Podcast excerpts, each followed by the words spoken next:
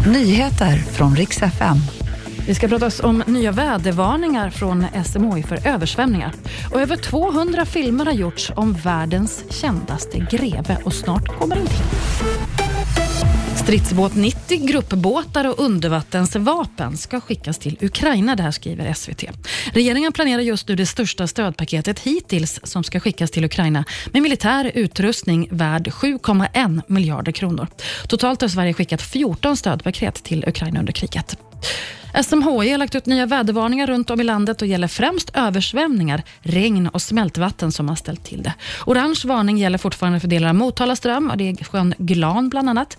Även Stångån och Almaån fortsätter ha stora problem med översvämningar. Det här kan skada bostäder, störa bil och tågtrafiken. Och över 200 filmer har redan gjorts och serier om världens mest kända greve och nu kommer en till.